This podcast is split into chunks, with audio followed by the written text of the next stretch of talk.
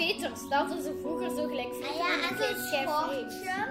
Zo, en ze had zo een gelijk een dienstmeid. eh, Kapje, mutsje, zoals, in de, kapje. zoals in de fabriek van de bakker. Dat er geen haartje Lang geleden was er eens een molenaar. Hij had niet zoveel geld, maar wel een hele mooie dochter. Op een dag kwam de molenaar de koning tegen. En om zichzelf een beetje aanzien te geven, loog hij dat zijn dochter van stro goud kon spinnen. De koning geloofde de molenaar niet en nam de molenaarsdochter mee naar het kasteel om haar te testen. Hij sloot haar op in een kamer vol met stro en zei dat ze dat moest omspinnen tot goud tegen de volgende ochtend. Anders zou hij haar doden.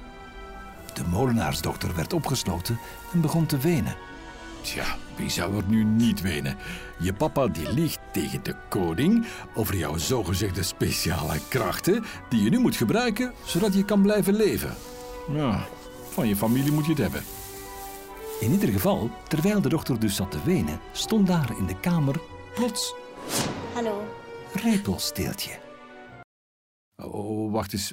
Wat staat er hier nu? Is, is het wel de bedoeling dat we nu al weten dat eh dat manneke repelsteeltje heet? Ja? Wij hebben dat veranderd, omdat... Ja, anders is dat zo saai. En Ja. nu is dat zo van... Oh ja, weer al het verhaaltje van Repelsteeltje. Oh nee, nu gebeurt dit. Dat is veel leuker dan het echte verhaaltje. Ja. Het is heel simpel gewoon. Jij moet gewoon het verhaaltje dat wij verzonnen hebben vertellen. En wij spelen de rollen en zo. En jij moet gewoon, ja. ja En dan lagen wij dat het uit. verhaaltje vertellen. En dan wij zo, ja, en dit en dat en dit en dit en dit en dit. Hm. Dat belooft voor de rest van het verhaal. Waarom huil je, mijn lief kind? Maar ik moet van stro goud spinnen en ik kan dat helemaal niet. Oh, maar ik kan dat wel. Echt? Wil je dat voor me doen? Ja, maar dan wil ik er wel iets voor terug. Ik heb een, ehm hier, eh, neem een halsketting maar. Dankjewel. Repelsteeltje nam de ketting en begon te spinnen. De volgende ochtend, toen de koning binnenkwam, was al het stro weg en lag er een gouddraad in de plaats. De koning was verrast, maar had nog niet genoeg. Hij bracht de molenaarsdochter meteen naar een grotere kamer met nog meer stro en beval haar om ook dat helemaal tot goud te spinnen. Lukte dat haar niet, dan zou hij haar doden. Uit miserie begon de dochter dan maar weer te wenen. En plots stond daar opnieuw Repelsteeltje. En opnieuw beloofde hij haar te helpen als hij er iets voor in de plaats kreeg. Ik wil er wel iets voor terug. Maar ik heb niks meer. Oké, dan schenk jij mij het leven van je eerste kind. Hè? Maar dat klopt toch ook niet? Ja, ik weet dat ze arm waren, maar ze moet toch nog iets hebben dat ze aan Repelsteeltje kan geven? Eh, Had ze volgens de gebroeders Grimm niet nog ehm, een ring? De molenaarsdochter legde haar ring op een tafeltje met een geheime loopband van de King Conrad. Er ringde boven het tafeltje, leg hier je juwelen op. Dan beveiligt het tafeltje het goed. De King Conrad was eigenlijk een dief die allemaal dingen stal. En de ring was in het rioolputje gevallen en King Conrad zei, yes, nog een buit. Voilà, dat is het gaatje van de ring. Het is een mooie ring hoor. Het is echt een mooie. Ja, met een diamant op. 3 miljoen euro. Ah, zo, ja, ja, ik snap het. Haar ring was dus gestolen door de rat.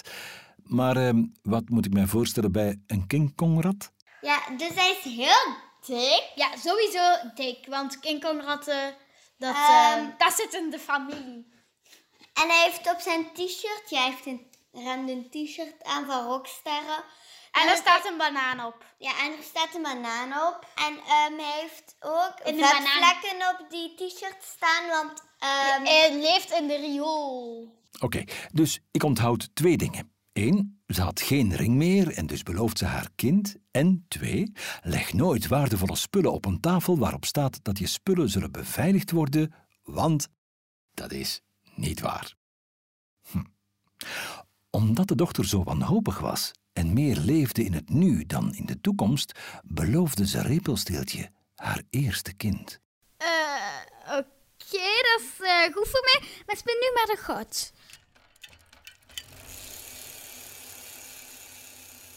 De koning kon de volgende ochtend zijn ogen niet geloven. Maar toch wilde hij nog meer goud.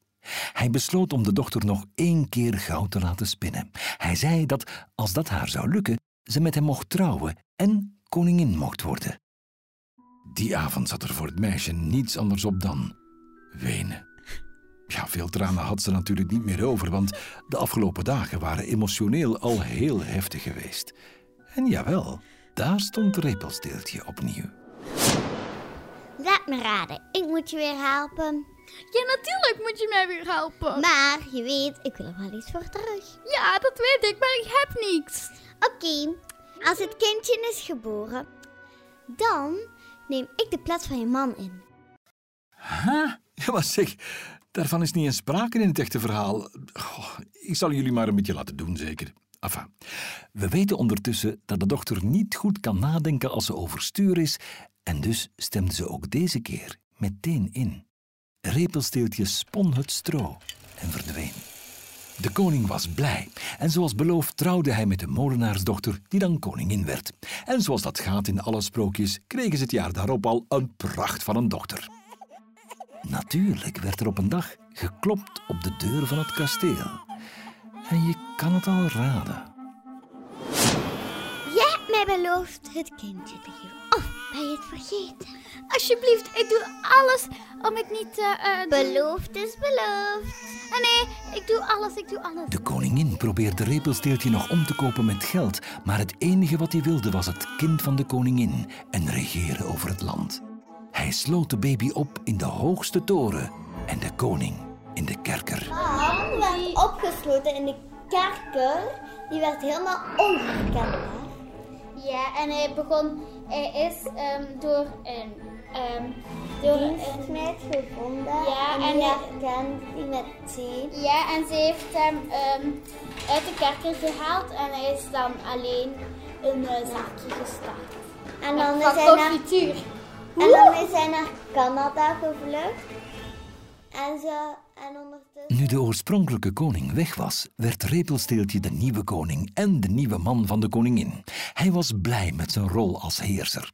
De inwoners daarentegen waren iets minder enthousiast. Omdat eh, iedereen die in, de, eh, die hij in de weg stond, ehm, toen zei hij, ach, hang die maar op, ik heb die niet meer nodig. En iedereen die even van het werken, hoe, oh, je zit toch niks aan het doen? En wel, dan mocht jij mijn slaaf worden. Maar natuurlijk kon hij zelf die mensen niet ophangen. Oh, dus- jij denkt dus anders over mij. En toen had hij die zijn ninja. Ninja slaafje. Iemand denkt anders over mij. Hak de eraf! De koningin zag het op de duur echt niet meer zitten. Ze miste haar eerste man en haar nieuwe man was allesbehalve lief tegen haar. Ze mocht haar kind niet meer zien en hij verwijderde al haar afleveringen van Mooi en Meedogenloos zonder haar toestemming. En we vergeten dan ook nog te zeggen dat Repelsteeltje eigenlijk heel lelijk was. Repelsteeltje is wel wat dik, dus ze moest een nieuwe troon gaan halen, want ik past er niet tussen. Ja, ze had het dus zwaar. Ze besloot uiteindelijk om dan ook maar naar Canada te vluchten, waar ze samen met haar eerste man kon regeren. Met heel veel pijn in het hart liet ze haar dochter achter, met de gedachte dat ze later, wanneer ze mentaal wat sterker was, zou terugkeren om haar te komen halen.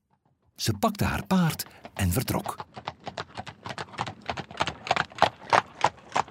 Maar dat kindje, ah ja, dat kindje, we moeten wel zorgen dat het een beetje een happy end wordt, want eh, wat gebeurt er dan met het kindje? Dat kindje wordt Nu de koningin weg was, kon hij pas echt zorgeloos verder leven.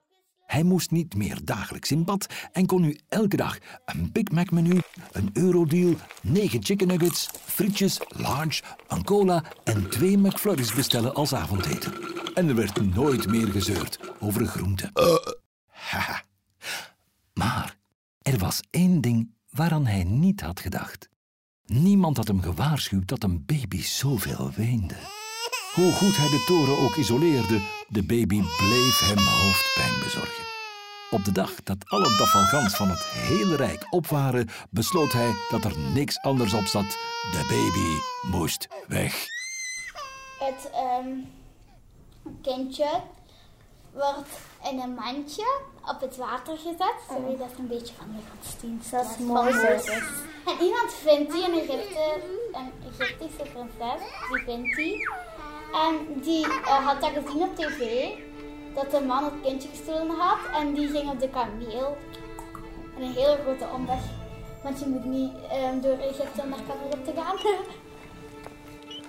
Na een lange tocht van zes jaar, met veel obstakels en avonturen, maar dat is een ander verhaal, kwamen de prinses en de baby, die ondertussen natuurlijk eigenlijk al geen baby meer was, aan in Canada.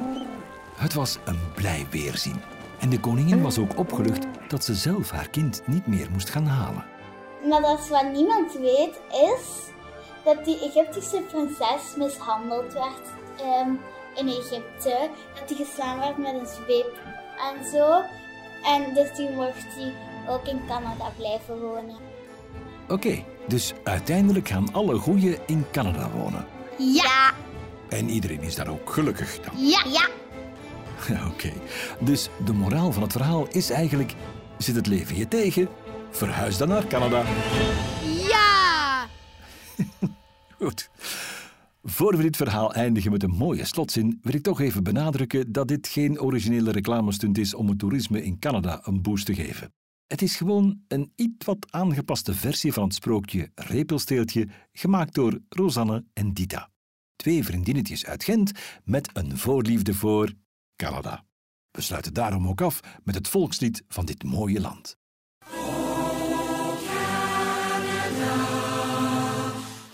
Ah ja, en natuurlijk ook dit. En ze leefden nog Lang en gelukkig. gelukkig.